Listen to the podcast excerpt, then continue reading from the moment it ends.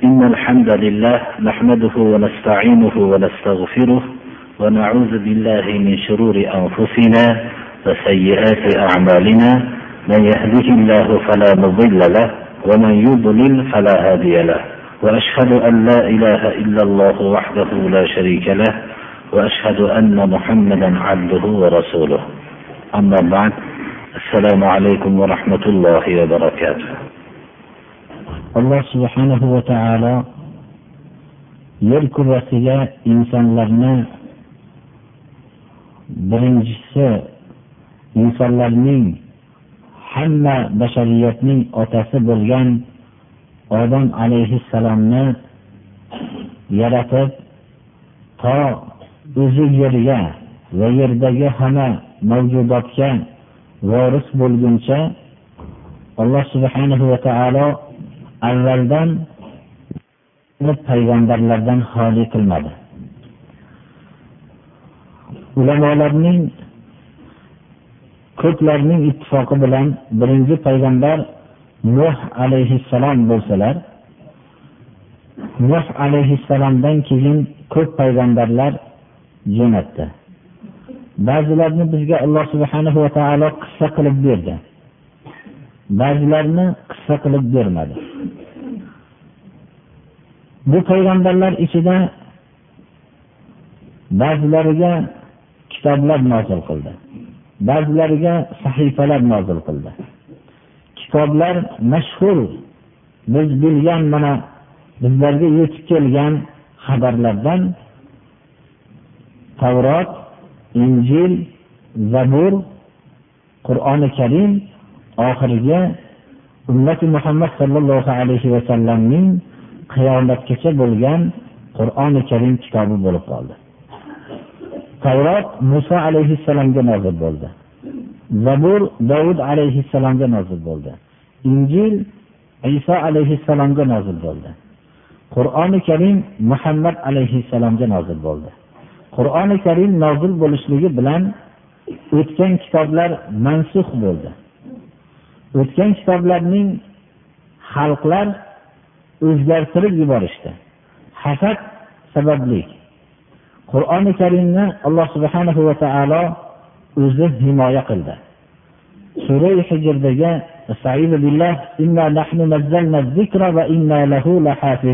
oyati dalolat qiladi bunga. Qur'oni karimga qiyomatgacha biror harfiga dushmani qur'oni karimga dushman ko'p bo'lishligiga qaramasdan putur yetmadi va qiyomatgacha biror harfiga putur yetmasligida shak shubha yo'qdir. Shuning uchun biz qur'oni karim haqida avvalgi darsimizda qur'on darsida biz qur'onning bashariyatga nima maqsadda nozil bo'lishligi haqida qisman avvalgi darslarimizda o'tganmiz. Bugungi darsimizda inshaalloh qur'oni karimning fazilatlari haqida to'xtalib o'tmoqchiman.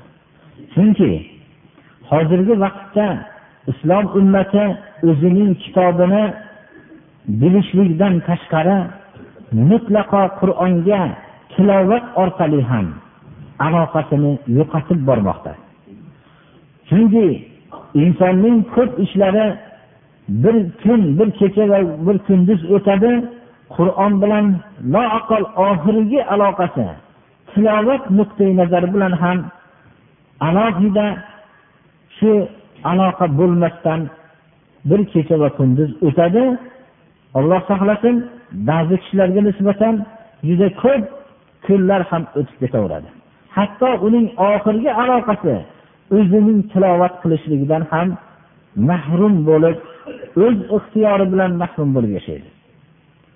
Shuning uchun qur'onning bizga birinchi ya'ni va hamda oxirgi aloqamiz qur'onning tilovati bo'lmoqligi kerak. Durust suratda tilovat qilishlik.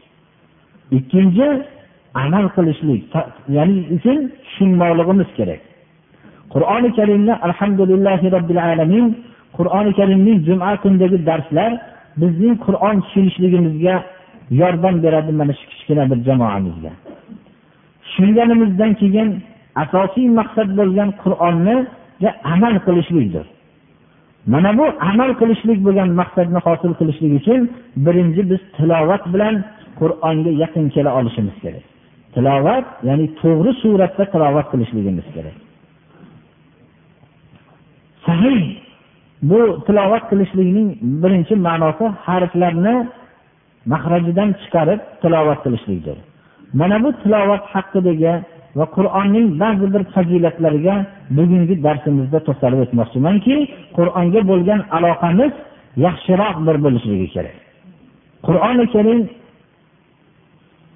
muhammad alayhissalom bashariyat tarixida o'tgan eng ulug' payg'ambarga nozil qilgan olloh nozil qilingan alloh subhanahu va taoloning muqaddas kitobidir.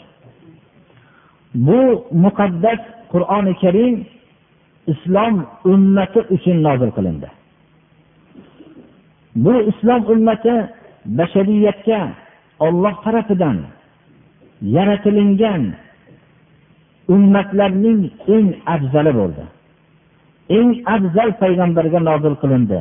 Eng afzal kitobini va eng afzal ummat uchun nozil qilindi. Va eng afzal shariat yo'llarini va komil shariat yo'llarini olib keldi. Go'yoki bashariyat umum bashariyat qur'oni karim nozil bo'lguncha go'daklik bosqichini bosib o'tdi. Bolalik bosqichini bosib o'tdi. Qur'oni karim nozil bo'lishlik vaqtida bashariyat umum bashariyat go'yoki insonning kamolat yoshiga yetgandek umum kamolat yoshiga yetdi. Shu vaqtda olloh tarafidan komil kitob va komil yo'lni olib keldi. Qur'oni karim eng amin bo'lgan farishta eng ulug' bo'lgan farishta jibril alayhissalom vositasi bilan muhammad alayhissalomga nozil qilindi وإنه لتنزيل رب العالمين نزل به الروح الأمين على قلبك لتكون من المنذرين بلسان عربي مبين mana bu oyat buni ruhul amin alloh subhanahu va taolo bu oyatdan jibril alayhissalomni maqsad qilib aytyapti ruhul amin omonatlik ruh ya'ni jibril alayhissalom qur'oni karimni tushirdi ya'ni olib keldi. Alloh subhanahu va taolo bu qur'onni tushirishligi ummatga dustur qilib tushirdi. Va payg'ambarimiz sollallohu alayhi vasallamning risolatlariga payg'ambarliklariga bu hujjat bo'lib tushdi. va qiyomat kunigacha muhammad alayhissalomning barhaq payg'ambarligiga hujjat bo'lib qoldi قل لئن اجتمعت الإنس والجن على أن يأتوا بمثل هذا القرآن لا يأتون بمثله ولو كان بعضهم لبعض ظهيرا ayting ey muhammad alayhissalom agar inson bilan jin toifasi hammasi jamlansa shu qur'onga o'xshagan kitobni olib kelishlikka ular qur'onga o'xshagan kitobni olib kelisha olmaydi agarchi bir biriga yordamchi bo'lishsa ham. Insongina jamoasi emas balki yer kurrasidagi hamma insonlar va jinlar jamlanadigan bo'lsa. Bir birlariga yordamchi bo'lsa ham. Qur'oni karim biz musulmonlar uchun nozil qilindi. Takror aytaman bugungi darsimizda qur'onning nima uchun nozil bo'lganligi haqida men to'xtalib o'tmoqchi emasman balki qur'onning fazilat taraflariga to'xtalib o'tmoqchiman. Chunki qur'onning nima uchun nozil bo'lganligi biz avvalgi darslarimizga kifoyalanamiz musulmon kishi har bir harfi bilan savoblanadi. Hadis sharifda bu payg'ambarimiz sollallohu alayhi vasallamdan rivoyat qilingan. Har bir harfga o'n hasanot bilan savoblanishligi.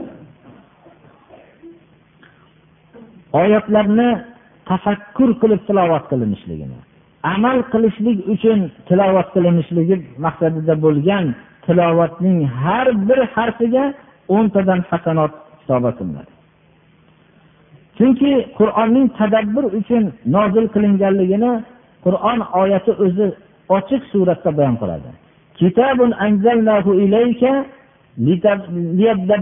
Ayatihi ulul bu biz kitobni sizga tushirdik. Mubarakun. Kitabun anzalnahu ilayka mubarakun. Muborak kitobni tushirdik. Odamlar oyatlarni tafakkur qilishliklari uchun va aql egalari tazakkur qilishliklari uchun. Tadabbur va tazakkur agarchi bir ma'noda bo'lsa ham lekin tadabbur ma'nolarni tushunish va tazakkur bundan ta'sirlanib ta'sir alomatlari o'zida ko'rinishidir. Qur'oni karim musulmon kishi uchun amal qilmoqligi uchun nozil qilindi. Qur'on halol degan narsani halol deb bilmoqligi kerak. Qur'on harom degan narsani harom deb bilmoqligi kerak. Qur'onni payg'ambarimiz sollallohu alayhi vasallam mana bu biz tafakkur va qur'on halol degan narsani halol deb bilishligimiz va harom degan narsani harom deb bilishligimiz kerakligiga agar biz bu e'tiqodni qur'on tilovatida o'zimizga joylamasak qur'on bizning zararimizga hujjat bo'lib qolishligi alloh saqlasin mumkinligiga payg'ambarimiz sollallohu alayhi vasallamdan imom muslim o'zlarining jomi sahiylarida keltirgan hadislari dalolat qiladi. Aytdilarki rasululloh sollallohu alayhi vasallam al qur'anu hujjatun laka av alayka. Qur'on seni foydangga hujjat va zararingga hujjat. Agar qur'onni harom degan narsalarni harom demasdan bo'lgan majlislarda biz soddaroq shaklda aytsak tilovat qilib xorlasak qur'onni biz qur'on bizni zararimizga hujjat bo'ladi buni yana ochiqroq qilib aytsak qimor majlislarida mast qiluvchi ichimlik ichilgan majlislarda qur'oni karimni poymol qilingan majlislarda biz qur'onni tilovat qiladigan bo'lsak qur'on bizning zararimizga hujjat bo'ladi birodarlar. Alloh subhanahu va taolo qur'onni o'qib amal qilgan odamga dunyoda adashmaslikni va oxiratda badbaxt bo'lmaslikni va'da qildi. Kafil bo'ldi.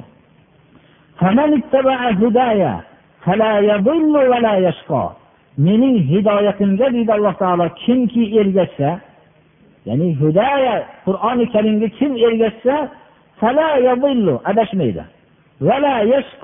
U badbaxt bo'lmaydi qiyomatda. Adashmaslik dunyodagi adashmaslik. Zalolat bu hidoyat birodarlar bu dunyoda qiyomatda endi baxt saodatlik va badbaxtlik ikkita narsa. Dunyoda qur'onga ergashgan kishi adashmaydi va qur'onga ergashgan kishi oxiratda badbaxt bo'lmaydi. Alloh subhana va taoloning va'dasi bu. Albatta va'dasi haq. Alloh taolo qur'oni karimni ruh dedi.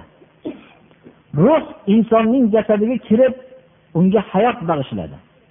qur'on ruhdir haqiqiy insoncha yashashlik hayotiga ruhdir kimga kim qalbiga qur'on kirmagan bo'lsa u haqiqiy hayot bilan yashamaydi استعين بالله وكذلك أوحينا إليك روحا من أمرنا ما كنت تدري ما الكتاب ولا الإيمان ولكن جعلناه نورا نهدي به من نشاء من عبادنا وإنك لتهدي إلى صراط مستقيم mana bu joyda qur'oni karimni alloh taolo rasululloh sollallohu alayhi vasallamga biz tushirdik ruhni tushirdik deyapti. Ruh haqiqiy musulmon hayotiga qur'on ruh bo'ladi. Qur'on takror aytamiz insonni qalbiga joylanmagan kishiga nisbatan u odam go'yoki haqiqiy hayot unga nasib bo'lmaydi. Alloh taolo mana shu oyatni o'zida nur qildik. Sizga buni nur qildik deyapti. Nur hidoyat yo'lni topishlik yorug'likka bog'liqdir. Olloh tarafiga bo'lgan yo'lni topishlik ham qur'on nuriga bog'liqdir. Qur'onning nuri bilan bo'lgan kishi olloh tarafiga bo'lgan yo'lga hidoyatlanadi. Qur'oni karimni bir necha nomlar bilan nomlangan. buni ham bilishligimiz modomiki bizga qur'oni karim nozil qilinar ekan buni ham bilmoqligimiz kerak qur'on deb nomlandi بل هو قرآن مجيد إن هذا القرآن يهدي للتي هي أقوم va boshqa oyatlarda olloh tarafidan bizga bu tushirilgan muqaddas kitobni qur'on deb nomlandi. Qur'on ba'zi kishilarning tavjihlarida o'qilinishligi uchun qur'on qaraa ma'nosida olingan bo'lsa ba'zilar qiron ya'ni hukmlar qissalar maizalar masallar hammasi bir biri bilan birlashtirilganligi uchun qur'on deyilgan deb tavjih berishadilar. Furqon deb nomlangan. Alloh subhanahu va taolo o'zining bandasiga furqonni tushirdi. Furqon haq bilan botilni ajratganligi uchun furqon nomi bilan nomlangan. Dunyoda haq bilan botilni ajratadigan bitta me'yor bor. U me'yor qur'ondir. Va rasululloh sollallohu alayhi vasallamning hadisi muboraklari shu qur'onning tasviridir birodarlar. Shuning uchun qur'on haq degan narsa haqdir qur'on botil degan narsa botil deb bilmoqligimiz kerak. Modomiki islomni biz davo qilar bo'lsak. Kitob deb nomlandi. Birinchi mana sura baqarada alif lam mim zalikal kitabu. Kitob deb atalishlikka loyiq bo'lgan narsa qur'ondir. Qur'oni karimni zikr deyildi. Bir nomidan bittasi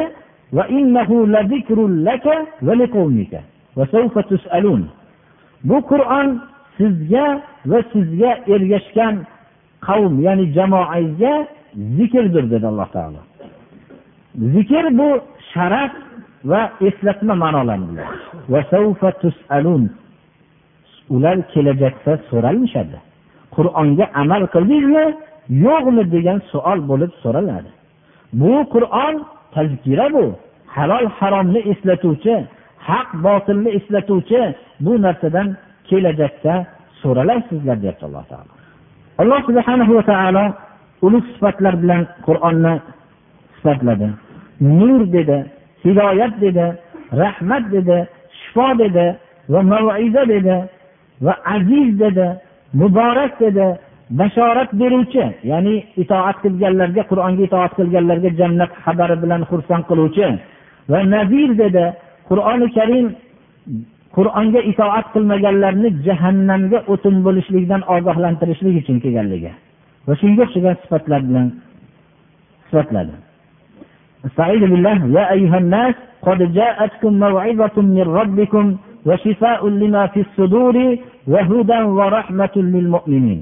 qur'oni karim bu yerda mana qalblardagi kasalliklarga nifoq shirk butun islomga zid bo'lgan axloqlarga shifo dedi. Demak biz qur'oni karimning mana bu sifatlar bilan sifatlanganligi ulug' muqaddas kitobimiz ekanligiga dalolat qiladi.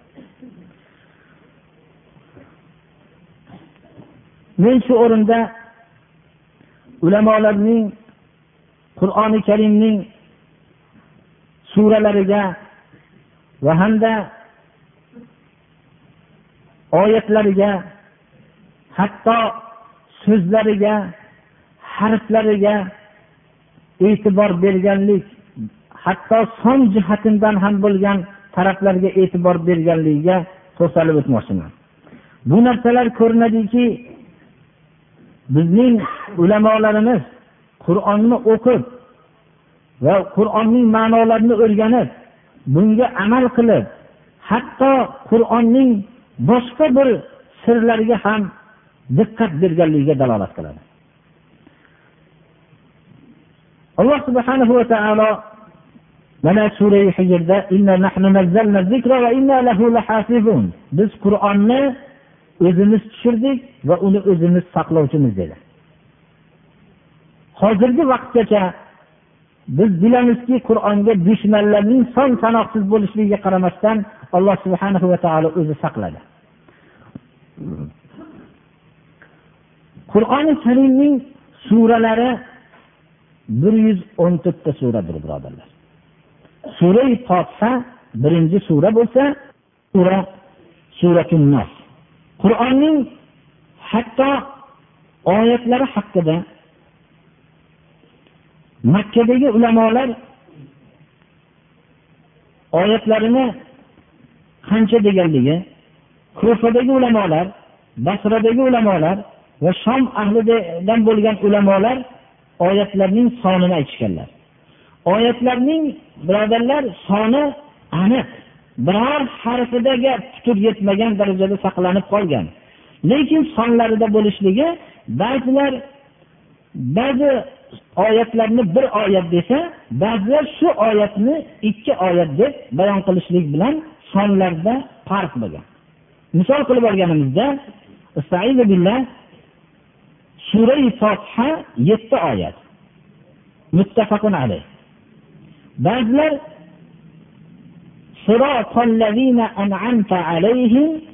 shu bir oyat bo'lib bu alohida ikki oyat deb shuning uchun bir kichkina belgi ham qo'yib qo'yilgan ba'zilar bo'lsa shu ikkalasi bir oyat deyilganda bismillahi rohmanir rohim bir oyat bo'lib sura avvalda bismillahi rohmanir rohim bilan yetti oyat deyishganlar ba'zi ulamolar bo'lsa takror aytamiz sura avvaldagi bismillahi rohmanir rohim sura fotihani oyatidan emas balki bu yetti oyat bo'lishligi mana bu tarafdan deb hisob qilishganlar. Shuning uchun yana ba'zilarni ko'nglida bir shubha bo'lib qolmasligi uchun shuni aytib qo'yyapmiz. Makkadagi ulamolar qur'on oyatlarini olti ming ikki yuz o'n to'qqiz oyat deyishadi. Ko'padagi ulamolar olti ming ikki yuz o'ttiz olti oyat deyishadilar basradagi ulamolar olti ming ikki yuz to'rt oyat deyishadi. Shomdagi ulamolar ba'zilari olti ming ikki yuz yigirma besh oyat desalar ba'zilari olti ming ikki yuz yigirma olti oyat deyishadi. Ya'ni takror aytamiz oyatlarning sonidagi farqlikni ma'nosi hozir aytib o'tganimiz birontalari qur'onning kalima va harflarning sonida ixtilof qilishmaganlar. Oyatlarning bo'linishida ba'zi fikrda shu sonlardagi ixtilofning sababi hozirgi darsimizda aytgan ma'nodir. Qur'on kalimalari yetmish yetti ming to'rt yuz o'ttiz to'qqizta kalima so'z bor qur'onda deyilgan. Va harflar soni bo'lsa uch yuz qirq ming yetti yuz qirqta deyilgan. Shunda hamma ulamolar mana shu harfini sonida ittifoq qilishganlar. o'ttiz yuzga qur'oni karim mana hammamizga ma'lum bo'lingan ya'ni boshqa bir hamma qur'oni karimni olib ko'rilsa o'ttiz yuzga bo'linganki ulamolar bu taqsimlarni allohni rahmati bo'lsin hammalariga mana bu o'ttiz yuzga bo'lishib hamma suralarning bo'linishligi payg'ambarimiz sollallohu alayhi vasallamning ko'rsatmalari bilan bo'lgan. Qur'oni karimning hatto makkada tushgan oyatlarning soni qancha va madinada tushgan oyatlarning soni qancha bu ham ko'palik ulamolarning hisobiga qarab ko'palik ulamolar olti ming ikki yuz o'ttiz olti oyat deyishganlar. Shunga binoan to'rt ming to'rt yuz yetmish besh oyat janobi rasululloh sollallohu alayhi vasallam makkada turganlarida nozil bo'lgan. bir ming yetti yuz oltmish bir oyat madinada turganlarda nozil bo'lgan. Makkada payg'ambarimiz sollallohu alayhi vasallamga qur'oni karim nozil bo'lib turgan vaqtlarni o'n ikki yil besh oyu o'n uch kun deyishadilar. Madinada turgan vaqtlar bo'lsa to'qqiz yilu to'qqiz oyu to'qqiz kun deyishadilar. Mana bu narsa qur'oni karim haqidagi bizni ahli islom ulamolarining qanchalik bir daqiq e'tibor bilan kuzatganliklarini bizning tariximizni yozishlikka kuchli jihozlar bo'lmagan vaqtda ham musulmonlar o'zlarining muqaddas kitoblariga qanchalik haris bo'lib shuni saqlab qolishganliklariga dalolat qiladi.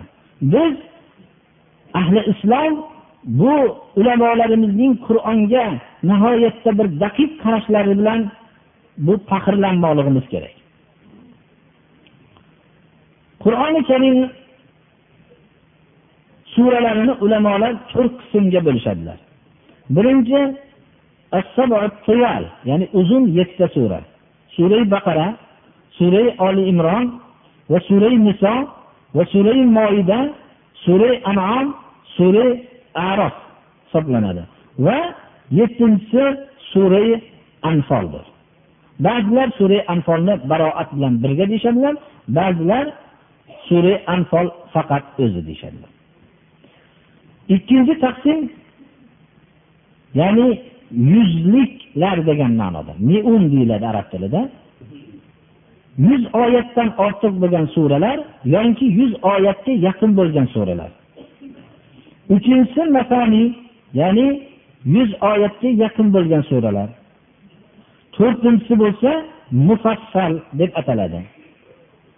Mufassal sura hujrotdan sura fathdan keyingi sura sura hujrotdan to qur'oni karimning oxirigacha payg'ambarimiz sollallohu alayhi vasallamning hadis shariflari bor rivoyat qilingan nabiy sollallohu alayhi vasallam aytdilarki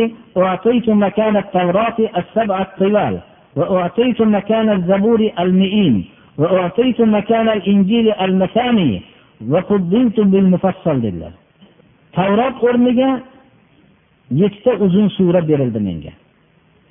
Zabur o'rniga yuz oyatlik suralar berildi. Injil o'rniga nasoniy yuz oyatga yaqinroq bo'lgan suralar berildi. Va mufassal aytib o'tdik sura hujrotning pastidagi suralar mufassal bismillahi rohmanir rohim bilan ko'p fasl fasl qilib ajratilganligi uchun mufassal deyiladi. Mana bu narsa bilan meni ortiq qilindi dedilar. Demak biz qur'oni karimni tilovat qilar ekanmiz. Qur'oni karimning tilovati eng komil holatda bo'lishligi tahoratlik bo'lgan holatda qiblaga qaragan holatda va eng afzal vaqtlarni maqsad qilgan holatda tilovat qilishlikka harakat qilmoqligimiz kerak. Eng afzal vaqtlar kechasigi vaqt. Va shomdan keyingi va tongdan ertalabki namozdan keyingi vaqtlardir. Qur'oni karim mana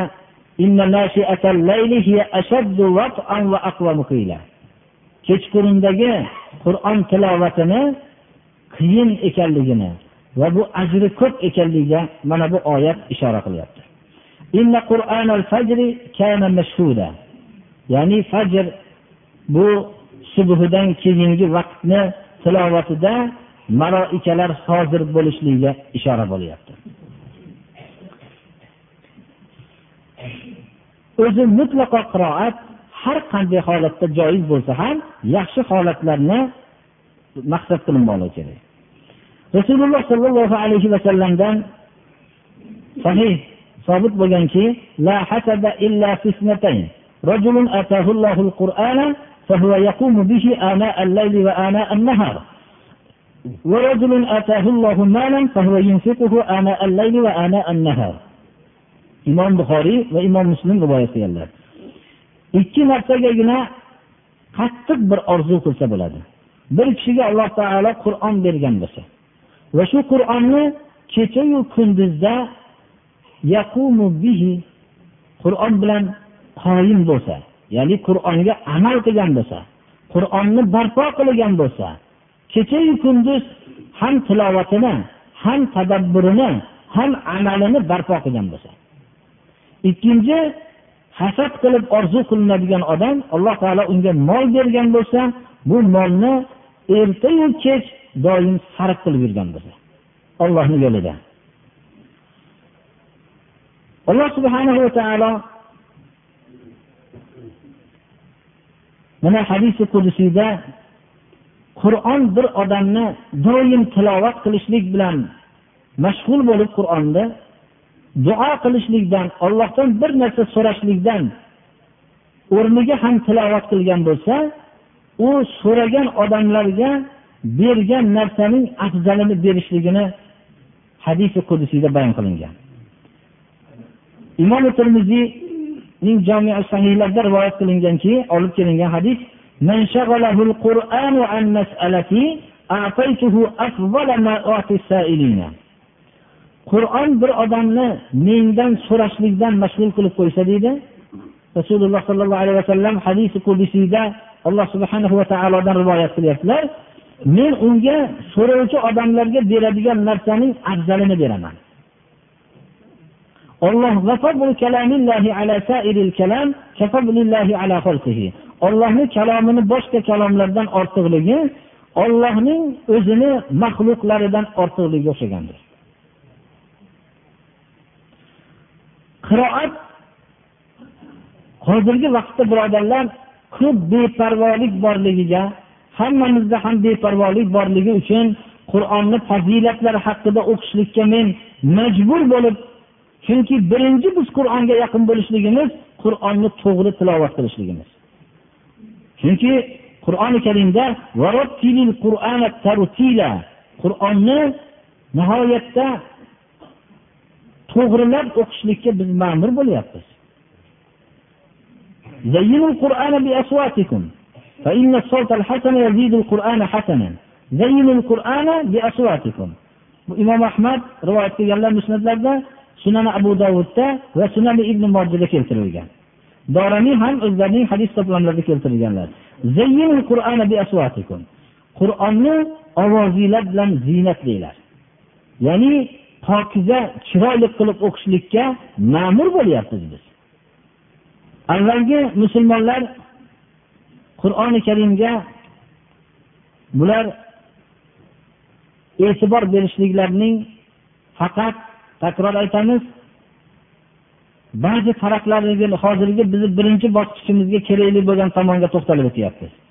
Ularning payg'ambarimiz sollallohu alayhi vasallamdan mana rivoyat qilinadiki oysha onamiz rivoyat qilganlar payg'ambarimiz sollallohu alayhi vasallamning xulqlari qur'on bo'lgan. Nimaga buyurgan bo'lsa bu buyruqni qilardilar. Qaytargan narsalardan qaytardilar. Va qur'on odobi bilan odoblanardilar ashoblar rasululloh sollallohu alayhi vasallamga ergashib mana bu narsa shu xulqlarni hammasini o'zlariga olishardilar. Hammalarining qur'onga e'tiborlari o'rganishlikka e'tiborlari shu darajada bo'ldiki turmush qilishgan vaqtlarida qur'onning ba'zi suralarini turmush qilinayotgan ayolga o'rgatishlik mahr hisobiga ham hisob qilindi. Ya'ni qur'oni karimning tilovat va tadabbur va amalini o'rgatishlik turmush qilayotgan ayolga beriladigan mahr hisobini ham qilindi birodarlar. Demak bu narsa ko'rsatadiki qur'onga bo'lgan o'rganishlikka bo'lgan e'tibor shu darajada bo'ldi va bu narsa shuni ham ko'rsatadiki ayollarning va qizlarning ota onalarining qur'onni o'rganishlikka bo'lgan e'tibor shu darajada bo'ldiki u hamma dunyoni o'rniga shu qur'ondan suralarni o'rganishlik mahrga qo'yilishlikka rozi bo'ladigan darajaga chiqdi. Bu narsa umum aktorni qur'onga bo'lgan e'tiborning qanchaligiga dalolat qiladi. Va kechalarda qur'oni karim mana o'zida bayon qilingan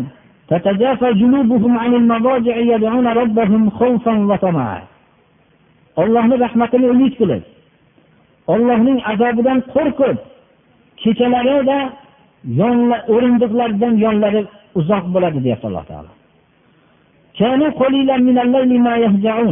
Kechqurunda kam ya'ni uxlashadilar. Saharlarda istig'for aytishadilar bu narsalar qur'onning shu vaqtlarda ahli jannat bo'ladi ahli jannatlarning sifatlarida kelyapti bu demak alloh taolo bunday bandalarni maqtayapti ashoblarning uylarini oldidan o'tgan kishilar xuddi asalarining tovush qilayotgan holatidek tovushni eshitishardilar qur'on bilan tilovat qilishligi bilan masjidlarda ular qur'on tilovat qilishayotganlarida xuddi akalarining tovushidek tovush kelib turardi. Alloh taolo shuni ko'rishlikni ham nasib qildi. Sunnatga muvofiq bo'lgan ba'zi bir masjidlarda bo'lganimizda shu masjidni jumadan ilgari kelinganda shu uy to'la akalari hozir uchyapti deydigan bir tovush bilan hamma qur'on tilovati bilan ovrab turibdi birodarlar. Qur'oni karim qur'onni o'qib dunyoda amal qilgan kishini shafoat qiladi hadis sahih hadislarda kelganki imom muslimning jomi sahiylarida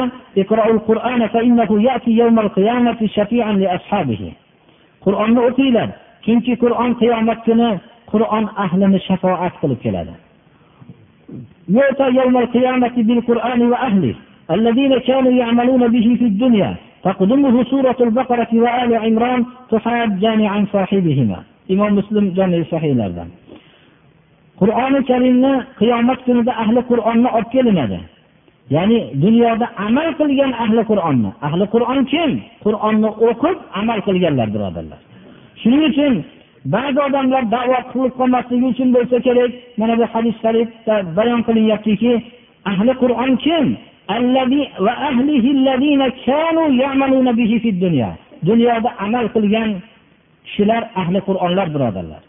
Shularni olib kelinadi. Bularning oldida surai baqara bilan surai oli imron bularni himoya qilib keladi. Payg'ambarimiz sollallohu alayhi vasallam odamlarning eng yaxshisi degan savollarning bittasiga dedilar. Sizlarning eng yaxshilar qur'on o'rganganinglargina deb qo'ymadilar.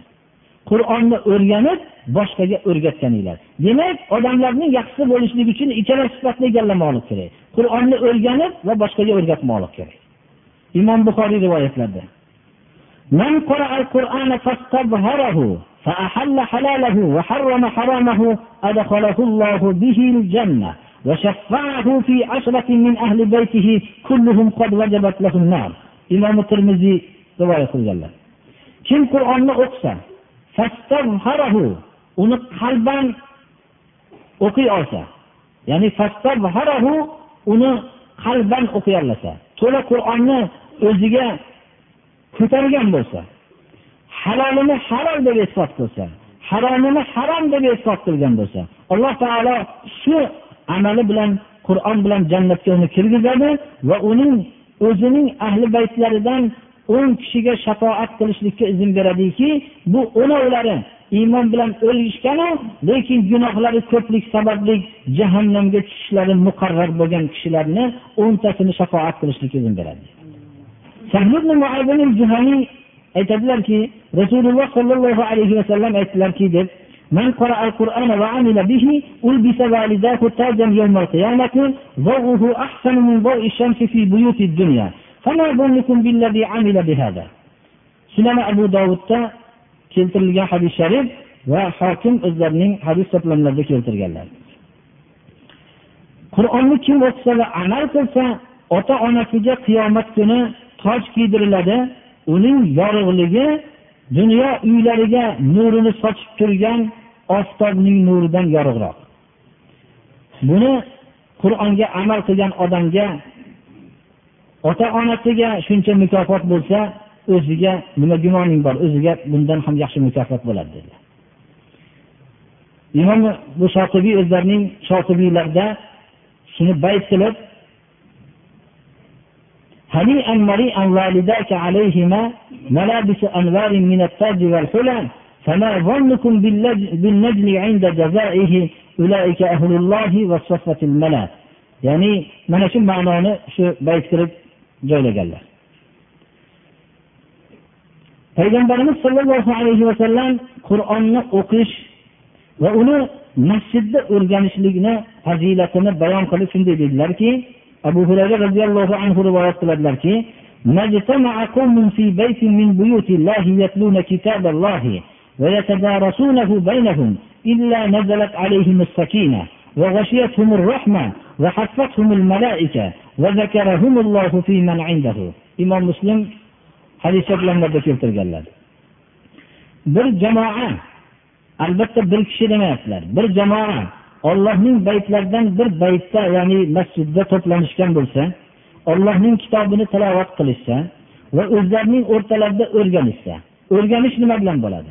Birinchi tilovatni tuzatishlik bilan. Masalan bir kishi o'qisa ikkinchi kishi shuni qaytarib o'qishligi. Va shu bilan boshqa ham shuni kuzatib olishligi. Mana bu mudorasa. Shu mudorasa bilan ikkinchi buning tadabbur ma'nosini o'rganishlik. Va shuni amalimiz qanday shu qur'onning shu oyatlariga deb mudorasa qilib o'rganishgan bo'lsa alloh subhana va taolo tarafidan ularga sakina orom bir rohat tushadi. Ikkinchi mukofot rahmat qamrab oladi. Uchinchi mukofot malaikalar ularni shunday o'rab olishadi. Alloh taolo bularni o'zini huzuridagi malaikalarga ham aytib faxrlanadi. Mana bu to'rtta mukofot birodarlar. Shu mukofot masjidda bo'lgan tilovatga aytilingan. Biz buni majburmiz shunday hadisni shunday qayd qilingan o'rnida aytishimizga hatto hozirgi men buni aytib o'tmoqchi emasman. Biz bu hadis bizga kifoya qiladi birodarlar. Bizga mana shu rahmat bo'lishligi shu hadisni bilishimiz kifoya qiladi. Lekin hozirgi vaqtda ham ba'zi bir xabarlarga qaraganda shu fazoga chiqqan odamlar ba'zi o'rinlardan nur ko'tarilib turganligini ko'rishib shularni tekshirilganda masjidlar ekanligi va shu yerda tilovat bo'layotgan masjidlar ekanligi ma'lum bo'layotganligini xabar berishyapti. Biz buni bunga biz buning uchun tasdiqlamaymiz bu hadis sharifni. Biz buni faqat rasulimiz sodiqul amin aytganliklari uchun tasdiqlaymiz. Lekin bularning biz kashflarigacha qarab turmaymiz buni. Ana bu narsa shu narsa masjidda bo'lishligi biz qur'onni mudorasa qilishligimiz tilovat bilan halqa bo'lib mudorasa qilishlarimizni masjidda holatlarni yo'qotmasligimiz kerak birodarlar. Mudorasa deganda bir oyatni bir kishi tilovat qilsa yo bir surani tilovat qilsa boshqa kishi ham buni birinchi harflarning mahrajdan chiqarishligini durustlab keyin buning ma'nolarini o'rganib bir birida kamchiliklarni to'g'rilashlik va uni ma'nolariga amal qilishlik haqida bir birlari bilan mudorasa qilishlik. Chunki rasululloh sollallohu alayhi vasallamga jibril alayhissalom o'qib berganlaridan keyin shu narsani shu oyatlarni payg'ambarimiz sollallohu alayhi vasallam qaytarib o'qirdilar. Birinchi nozil bo'lganda. Va shu imom buxoriy rivoyatlarida jibril alayhissalom ramazonda kelib payg'ambarimiz sollallohu alayhi vasallam bilan qur'onni mudorasa qilishlik uchun kelardilar deganda u kishining tilovatlaridan keyin payg'ambarimiz sollallohu alayhi vasallamning tilovat qilganliklari rivoyat qilinadi. Payg'ambarimiz sollallohu alayhi vasallam aytdilarki qur'on ollohning bandalar bilan o'zini o'rtasiga aloqa bog'lab tortgan arqonidir bu ochiq bir nurdir dedilar. Qoidalik shifodir. Qur'onni ushlagan odamni qur'on saqlovchidir. Qur'onga ergashgan odamga najotdir. Qur'on egri bo'lmaydiki uni to'g'rilanishlikka hojati tushsa.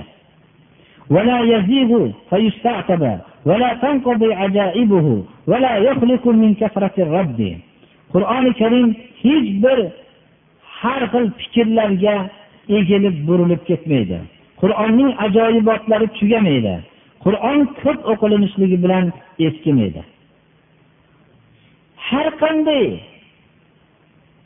musiqa izoalari har qanday kuylarni har qanday odamlar tarafidan aytilingan she'rlarni tarqatayotgan manzillarga bu musiqani yozgan kishilar va hamda shu she'rlarni yozgan kishilar ko'p qo'yilmasligini tavsiya qilishadi.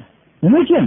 Har qanday narsa ko'p qo'yilishligi bilan o'zining qadr qiymatini yo'qotadi uni har kim ham e'tiborga olmay qo'yadi mana bu narsani hozirgi ko'p johiliy she'rlarni ko'p kuylarga solingan nimalarni avvalda qiziqib eshitib keyin buni hamma tush deb yuborganligini hammamiz bunga guvohmiz birodarlar.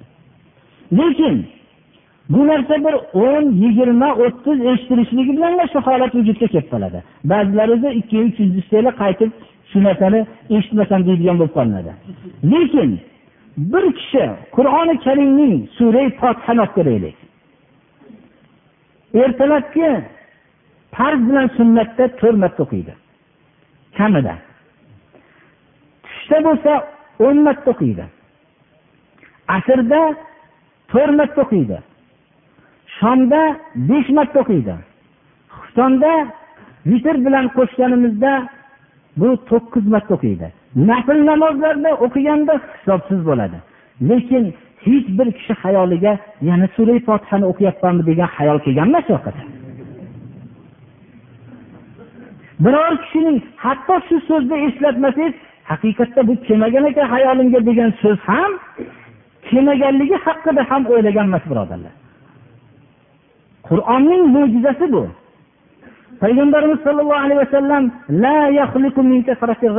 ko'p takror qilinishligi bilan eskimaydi biror kishi sura fotihani shuni yana o'qiyapman deb hayoliga kelgan emas birodarlar. Mana bu qur'onning mo'jizalarining ko'p mo'jizalari lekin oddiy bir biz tushunadigan umum xalq uchun tushunadigan mo'jizalardan bittasi. Undan tashqari qur'on hujjatdir. Burhan. Ya ayyuhannas ey odamlar rabbiylar tarafidan sizlarga hujjat keldi. Ko'ring umr bo'yi qur'on bilan kurashib maosh olib yashagan suvagi sim bilan qatigan va o'zining farzandlarini ham qur'onga qarshi kurashib turib shu farzandlarning suvagini qatirayotgan odamning qur'on eshitib turgandek holatiga bir qarang. Shunda qandaydir uni bir haybat olib xomush turganligini guvoh bo'ladi. O'zi qur'ondan biror kalimani ma'nosini ham bilmaydi va uning o'qiyolmaydi ham.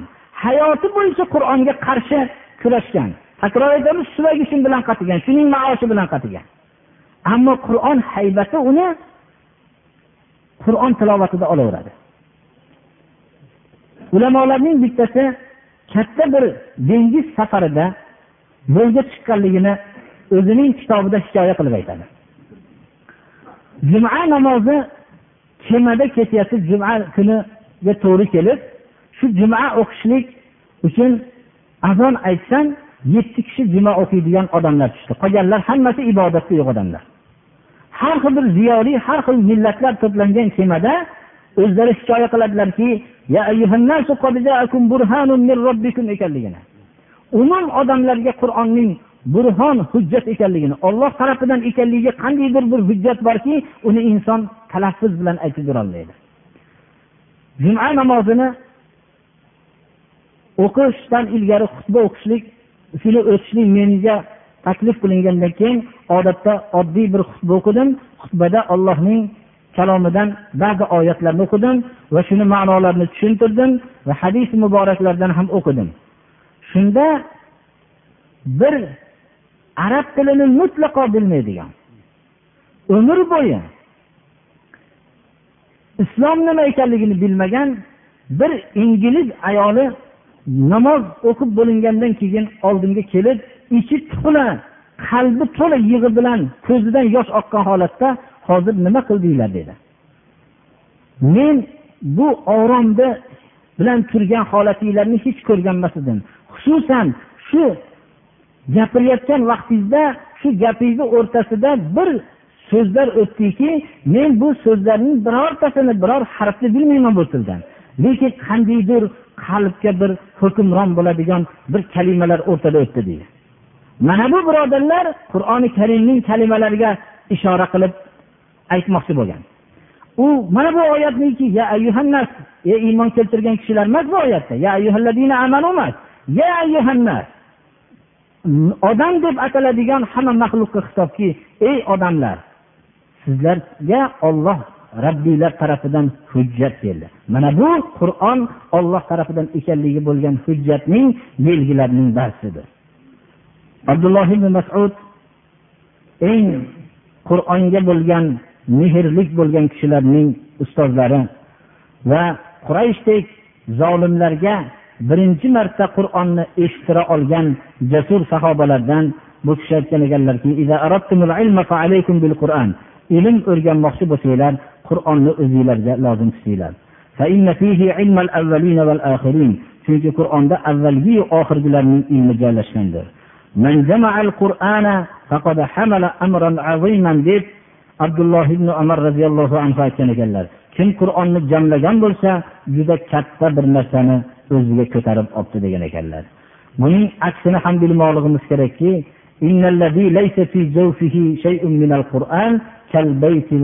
dedilar. Abdulloh ibn abbos roziyallohu anhu rivoyat qildilar imom muslimning jomi sahihlarida ichida qur'ondan bir narsa bo'lmagan kishi xarob uyga o'xshaydi dedilar. Demak biz qur'onning ba'zi bir qismini yod bilmoqligimiz kerak. Sura baqarani yod qilinglar dedilar. Bunga o'rganinglar sura baqarani chunki bu sura baqarani o'rganish barakot dedilar. Buni dankasalar bunga qodir bo'lmaydi dedilar. Sura baqarani yod qilishlikka harakat qilishar ekanlar. Yod qilish takror aytaman o'zinigina o'rganib qo'yishlik emas birodarlar.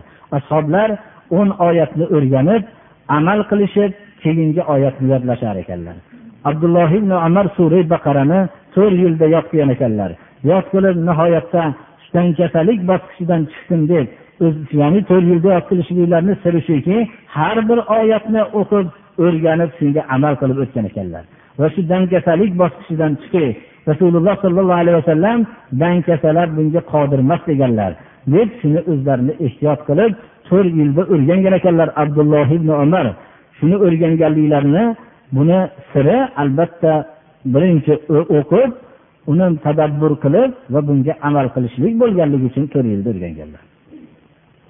Alloh subhanahu va taolo hammamizga ham qur'onga bo'lgan muhabbatni oshirsin va shu qiroatlarni sahih qilib o'qishlikka alloh o'zi tavfiq bersin tadabbur bilan o'qishlikka tavfiq bersin va amal qilishlikka qur'onni nozil bo'lishligidan bo'lgan asosiy g'oya amal qilishlikka ham alloh taolo tavfiq bersin.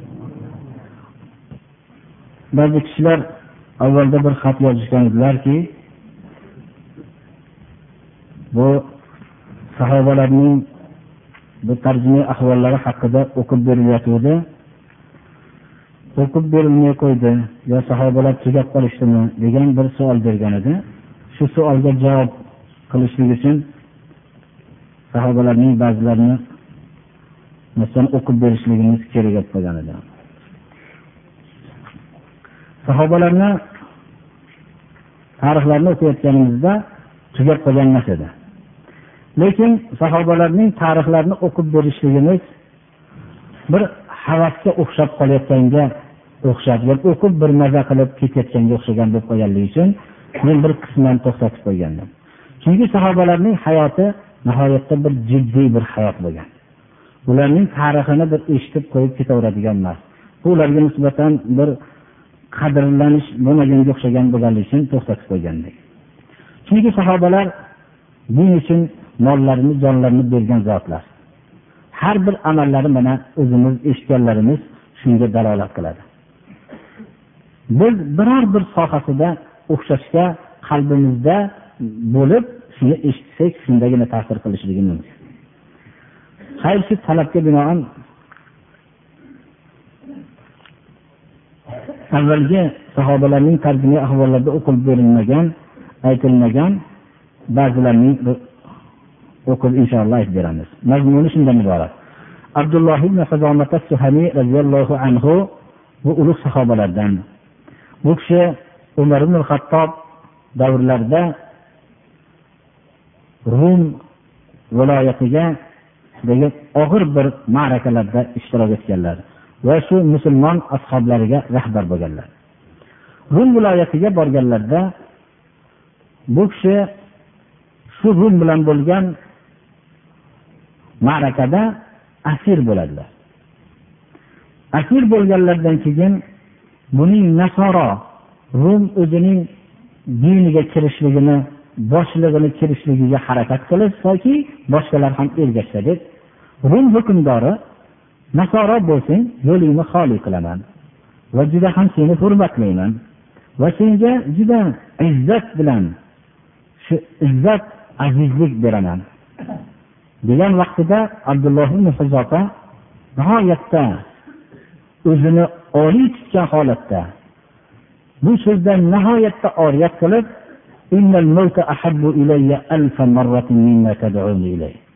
o'lim sen meni taklif qilayotgan narsadan ming marta yaxshi dedilar. Shunda nasroniyaga ijobat qilgin. Inson birinchi bir taklifda sodda taklif qiladi. Asir bo'lib turgan odamning o'zi agarchi qutulib ketishligi ham katta narsa deb o'ylansa odamlar umumiy odamlarga nisbatan. Agar nasroniyani ijobat qilsang mulkimni yarmini senga beraman dedi. Birodarlar bu rum viloyatining hukmdorining mulkini yarmi bu katta narsa bu. Sultonligingni yarmi seniki? Abdulloh aytdilarki hamma mulkingni bersang ham va arablar ega bo'lgan hamma narsani bersang ham men bu dinimdan ko'z ochib yumguncha qaytasan keyin o'zingni yo'lingga tushaverasan desang ham qabul qilmayman dedilar. Unday bo'lsa seni qatl qilaman dedi bu ixtiyoring dedi va bir joyga osib u kishini yonlaridan tomon o'qini o'tkazib qo'llarini yoniga otib har xil shunday qo'rqita boshlashdi. Shunda bu kishi baribir beparvo turdilar va katta bir qozonga yog' qo'yib qaynatdilar. Va shunda u o'tni tagiga qozon tagiga o't yoqishdilarda hatto yog' nihoyatda qaynadi. Musulmon asirlardan bittasini olib kelib shu yoqqa tashlandi. Go'shti titilib suvagi shunday ko'rindi. Shunda abdulloh ibn huzofaga aytdiki endi nasroniyga kirasanmi? Bo'lmasam shu holing shu bo'ladi. Bundan ham qattiqroq bo'lasan dedi. Bu kishi undan ham qattiqroq so'z aytdilar. Shunda bu kishini olib kelishdilar. Olib kelishgan vaqtlarida ko'zlari namlanib yig'i keldi u kishi shunda ular bu o'limdan qo'rqdi degan gumonda endi podishoni oldiga olib kelishganda nasroniyani endi qabul qilasanmi deganlarda bu kishi qattiqroq so'z aytganlarda bo'lmasa nimaga yig'lading dedilar aytdilarki men yig'lashimni sababi shuki hozir sen shu qozonga uloqtirilasan shu darrov o'lasan orzu qiluvdimki jasadimda qancha mo'y bo'lsa shuncha jonim bo'lsada bittadan shu uzoq vaqt o'lmasdan shu uzoq vaqt azoblansam ajr ko'p bo'lsa dedilar shunda bu rum zolimi bu irodaga oldida yengildida buni qo'yib yuborishlikka o'zining qalbiga alloh taolo bir haybat berdida bo'lmasam dedi seni qo'yib yuborishliging uchun bir boshimni bir o'pib qo'ygin men qo'yib yuboray dedi. Shunda abdulloh aytdilarki bu meni qo'yib yuborishing bilan bunga rozi bo'lmayman. Hamma asirlarni qo'yib yuborsang musulmon asirlarni men o'paman shunda abdulloh ibn huzofar suhamiy roziyallohu anhu aytadilarki qalbimda musulmonlarning hamma asirlarni qutulishligi uchun bir boshini o'pib qo'yishimiz zarari yo'q deydida shunda boshini o'pdilarda bu kishi hamma asirlarni va bu kishini qo'yib yubordilar madinada musulmonlarga bu narsa ma'qul bo'lmadi. Shunda bu kishi nihoyatda o'zlari ishtihodlar bilan to'g'ri ish qildim deb kelganlarida umar hatto bu voqeani eshitdilar. Va ro'barusida qozonda dog' bo'lib turgan qozonga tashlab iritib tashlangan musulmonni shunaqa bo'lganligini ko'rib boshqalarning holi shundan qutulishlik uchun bir rum hukmdori dinsizning shu boshini o'pib shu musulmonlar asirlarni olib kelganliklariga quvondilarda kim musulmon bo'lib bo'lsa hammada haqqi borki abdulloh ibn huzofani haqqi borki boshini o'psin hamma dedilarda o'zlari borib birinchi boshlarini o'pdilar abdulloh ibn huzofani boshini o'pish kerak dedilar. Borib boshqalar ham shunday qilishdilar. Ya'ni bu ishni to'g'ri bo'lganligini aytdilar. Sahobalarning mana bittalarining bu o'zlarini qutulishligi uchun ham shu narsani qilmadilar birodarlar.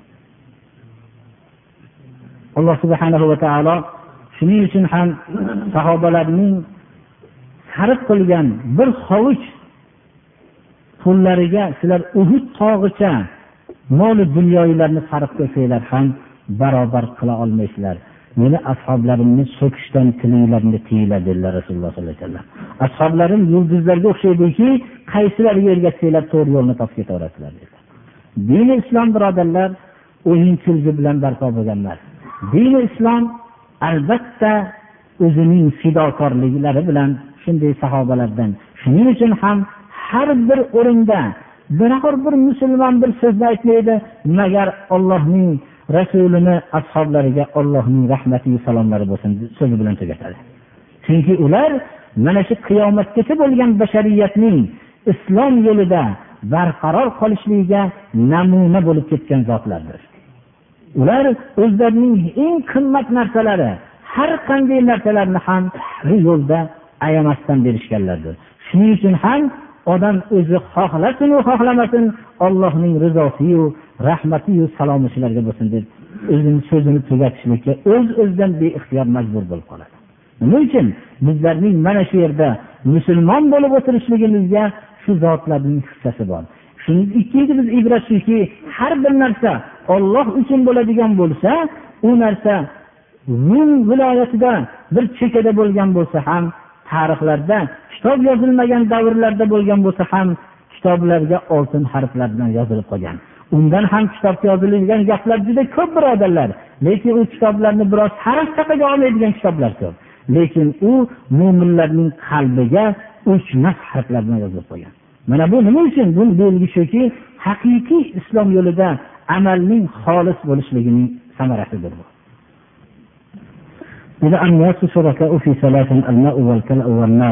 Degan haqda aytib bering dedilar. Odamlar uch narsada sharikdir meniki seniki bo'lishi kerak emas. Suv oqim suvni misol navbatni hamma foydalanaveradi. Kala o'sib chiqqan ko'katlar adirlardek bo'lgan hamma narsa sharik hamma odam sharik bir odam egallab bunday chizib bir belgi qilib qo'ygan bo'lsa tegilmaydi. Bo'lmasam yana uni boshqadan olishi mumkin. Shu ko'katlarda meniki seniki bo'lmasligi kerak. Nor ya'ni o'tda tutandiriq qilib olib ketishlikda hamma sharik bo'laveradi degan ma'no. Bu shubhali narsa kelgan bo'lsa shubhadan o'zingizni tiyishligingiz taqvodir buni savol qilibdi buni bir odam kambag'al bo'lib o'zi dinsiz bo'lsa zakot bersa bo'ladimi dedilar dinsiz bo'lsa zakotni dinga kirib qolishligini umidi bo'lsa bersa bo'ladi. Endi insonlar payg'ambarlarni avlodlaridanmi dedilar yerda bizni nimada misol birodarlar payg'ambarlarning avlodi payg'ambarlarning nasabi bo'lgan kishilar nasabi bo'lgan kishilar. Ularning ba'zi biz hurmat qilamiz. Hurmat qilamiz agar payg'ambarimiz sallallohu alayhi vasallamni avlodiman deb shu yo'lda bo'lgan bo'lsa shuning uchun nima qilamiz? Arab tilini o'rganishlik birodarlar qur'on tili bo'lgani uchun harakat qilmoqlik kerak. Farzmi deb biz farz deb ayta olmaymiz shuni. Qur'oni karimni o'rganishlik uchun o'rganmoqligimiz